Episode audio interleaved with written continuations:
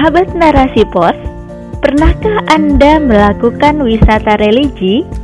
Jika belum, mari kita menyusuri jejak sejarah Islam melalui wisata religi di Sunan Ampel yang ditulis oleh Ida Royani.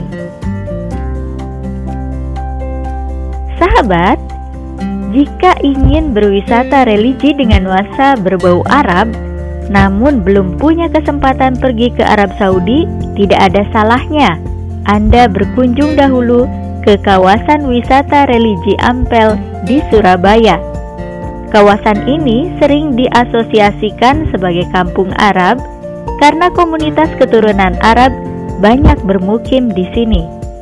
Sebagian besar mereka merasa sudah menjadi orang Indonesia tulen sebab mereka lahir besar, dan hidup sehari-hari di tempat ini. Di sepanjang jalan menuju makam Sunan Ampel, dengan mudah kita bisa memesan samosa, kebab, manisan, kurma, dan kacang-kacangan. Pokoknya, jajanan khas Timur Tengah banyak kita jumpai di kawasan wisata ini. Saya memang suka dengan makanan khas Timur Tengah. Saat ada ajakan dari ibundaku, beserta rombongan ibu-ibu muslimat di tempat tinggalku yaitu di Malang pada tahun 2018 mengadakan tur ziarah wali yang ada di Jawa Timur saya pun langsung menyetujui ajakan tersebut tanpa pikir panjang Kapan lagi saya bisa berkunjung ke kawasan wisata yang bersejarah ini? Sebuah kawasan yang memiliki nilai sejarah tentang penyebaran agama Islam di tanah Jawa. Oleh karena itu, dengan senang hati saya memulai perjalanan pertama ini menuju Masjid Sunan Ampel sebagai perjalanan wisata sejarah Islam ataupun sunnah Rasul kali ini. Masjid Sunan Ampel dibangun pada 1421 oleh Raden Ahmad Rohmatullah atau yang lebih dikenal dengan nama Sunan Ampel. Sebagai salah satu dari Wali Songo atau Wali Sembilan, beliau adalah figur yang alim, arif, dan bijaksana. Menurut ensiklopedia Pandenelandes Indi, beliau datang dari Champa, negeri yang terletak di Kamboja. Tapi, menurut Raffles, Champa terletak di Aceh yang kini bernama Jempa. Menurut silsilah, Sunan Ampel merupakan anak dari Maulana Malik Ibrahim, salah satu wali senior di antara kesembilan wali. Sementara kakek beliau berasal dari Samarkand, Uzbekistan, Asia Tengah. Pada saat Sunan Ampel tiba di Jawa, Raja Majapahit memberinya tempat untuk berdakwah sekaligus menetap di Ampel Dento, Surabaya. Ketika wafat pada 1481, beliau dikebumikan di dekat Masjid Sunan Ampel. Sampai saat ini, banyak orang datang untuk berdoa di makam beliau yang terletak di sebelah barat masjid. Masjid ini dibuat dengan kecermatan. Lima pintu gerbang mengelilingi masjid ini sebagai simbol rukun Islam.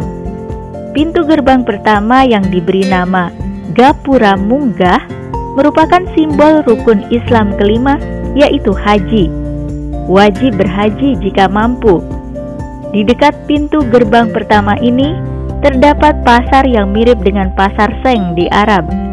Setelah melewati lorong pasar, Anda akan menemukan gapura poso atau puasa yang menggambarkan kewajiban kaum muslim untuk berpuasa.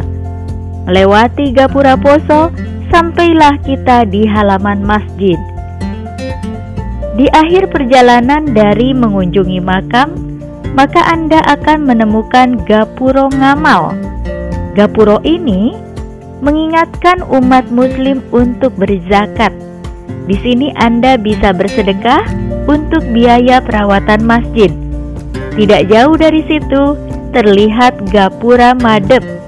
Di bagian kanan gapura ini terdapat makam Mbah San Haji yang dulunya menentukan arah kiblat Masjid Sunan Ampel. Makna gapura ini adalah pelaksanaan sholat lima waktu.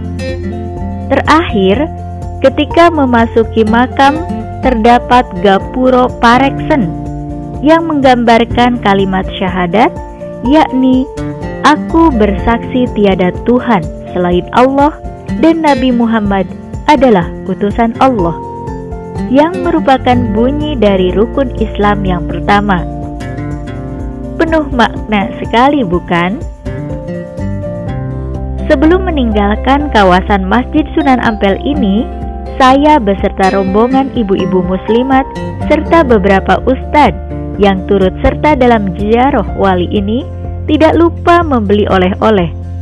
Di sepanjang jalan kawasan wisata ini terdapat berbagai macam oleh-oleh khas dari Timur Tengah dan juga variasi aneka barang. Mulai dari mukena, abaya atau khimar, sajadah, serta beberapa pakaian, aksesoris, dan makanan khas Timur Tengah lainnya. Harga makanan, aksesoris, dan pakaian di sini relatif sangat terjangkau sehingga Anda tidak perlu khawatir apabila ingin berbelanja di sini. Meskipun kami saat tiba di sini sudah malam dan memasuki waktu sholat Isya, tapi di kawasan ini masih ramai didatangi pengunjung dan suasana malam hari di sini cukup bagus. Tidak lupa, sebelum meninggalkan kawasan wisata ini, saya dan rombongan menyempatkan diri untuk sholat Isya berjamaah. Betapa bahagianya bisa sholat berjamaah di masjid ini. Selain dapat wawasan baru, juga bisa menambah silaturahmi antar sesama muslim lainnya. Seru sekali bukan? Seusai sholat isya berjamaah, saya dan rombongan melanjutkan perjalanan menuju tempat wisata makam sunan yang lain.